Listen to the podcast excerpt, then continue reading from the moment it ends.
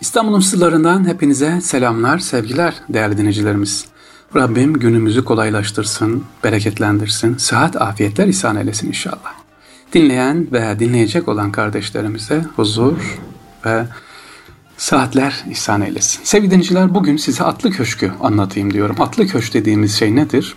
Çok çok e, duyulmuş ismini. Sabancı'nın, Sakıp Sabancı'nın merhum Atlı Köşk'ü.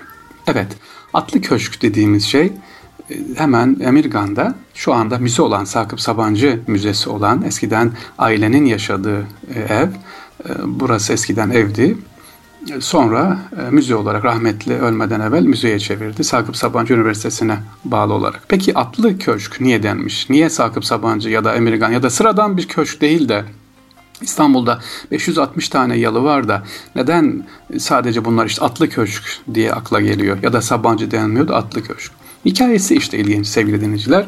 Atlı Köşk aslında Atlı Köşkümüz 1930'larda harap durumda olan bu köşk bakımsız bahçe içerisinde ağaçlar arasında kaybolmayı yüz tutmuştu.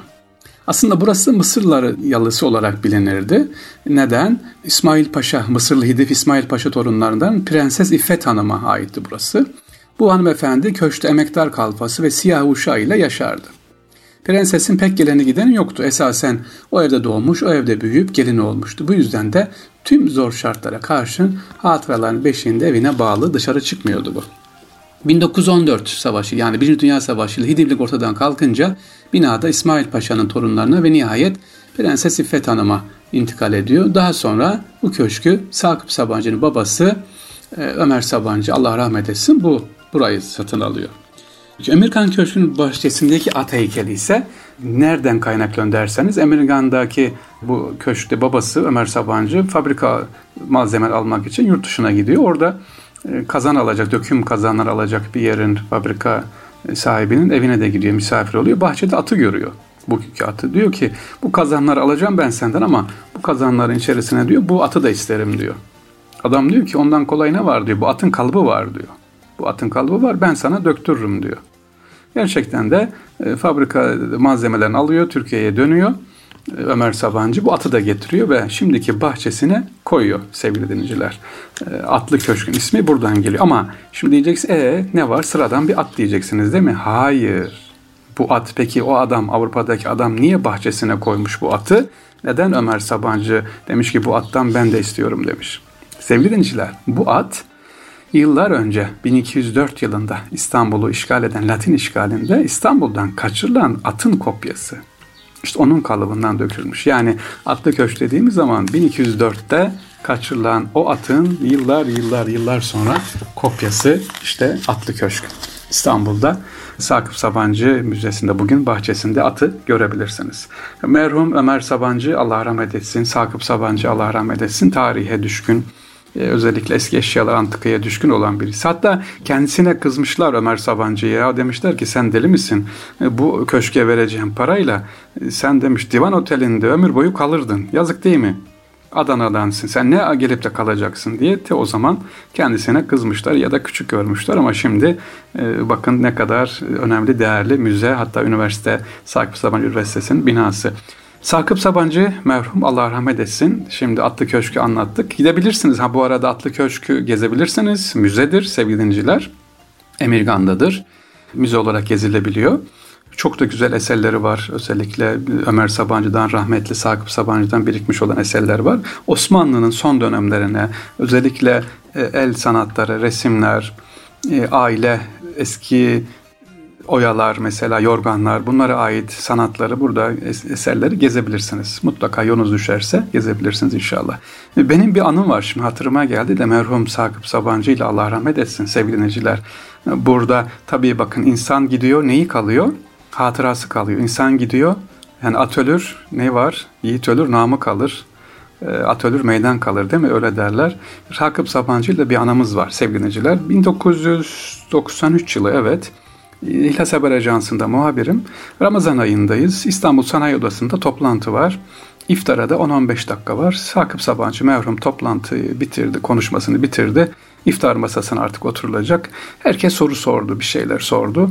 O yıllarda yanlış hatırlamıyorsam Tansu Çiller de e, Ekonomi Bakanı, evet Ekonomi Bakanı, Demirel Başbakan.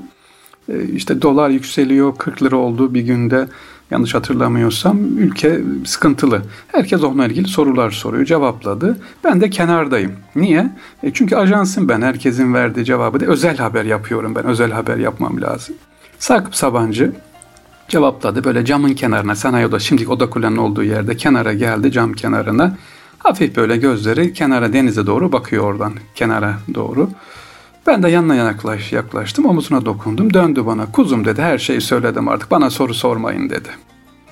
Benim soru soracağımı sandı. Hayır dedim, ben soru sormuyorum efendim, soru için gelmedim. Ne soracaksın? Metin'i merak ettim, Metin nasıl dedim.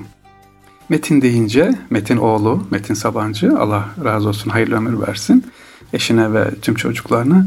Gözü ışıldadı, Oo dedi sen nereden biliyorsun? Dedim ki Metin sizi çok severmiş, çok seviyormuş. Öyle ki yurt dışına gitseniz veya gelmeseniz sizin telefonunuzda e, duymadan yatmazmış dedi. Aa evet dedi öyle dedi o güzel şen kahkahasıyla Mevrum Sabancı. E, ve elimi tuttu iftar ezanı okundu. Sevgiliciler Memduh Hacıoğlu'ydu İSO Başkanı geldi iki sefer çağırdı efendim buyurun diye ama elimden tuttu sohbeti bitirmedi. Biz Metin'le konuştuk, oğluyla ilgili konuştuk, muhabbet ettik. Sonra elimden tuttu, yanına oturtturdu.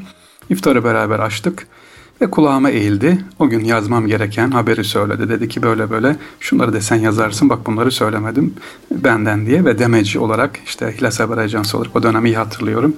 Haberi kullanmıştık. Niye anlattım bunu? Atlı Köşk'ü anlattık. Atlı Köşk'ün atı kaldı. Sakıp Sabancı'nın da güzel hatıraları, iyilikleri kaldı. Peki sonra ne oldu sevgili dinleyiciler İstanbul'da? Biz 2000 yılı 2004 yılı arasında 4 yıl İstanbul'da çeşitli açılışlar, o dönemde görev icabı, çalışmalar yaptık. Sosyal faaliyetler, okullara çanta dağıtma, aşevleri, ne gıda yardımı, Ramazan kumpanyaları, sağlık kampanyası gibi böyle bir görev Allah lütfetti bizi. Ne zaman çağırsam merhum Sabancı'yı etkinliklere geldi ve destekleyerek okullara çanta, kitap dağıtımı, okul açılışlarında mutlaka kültür sanat hep yanımızda oldu, destekledi. Allah rahmet etsin. E, böyle güzel insanlarla tanışmayı da bizlere nasip etsin inşallah. Evet yine çok uzattık bugün.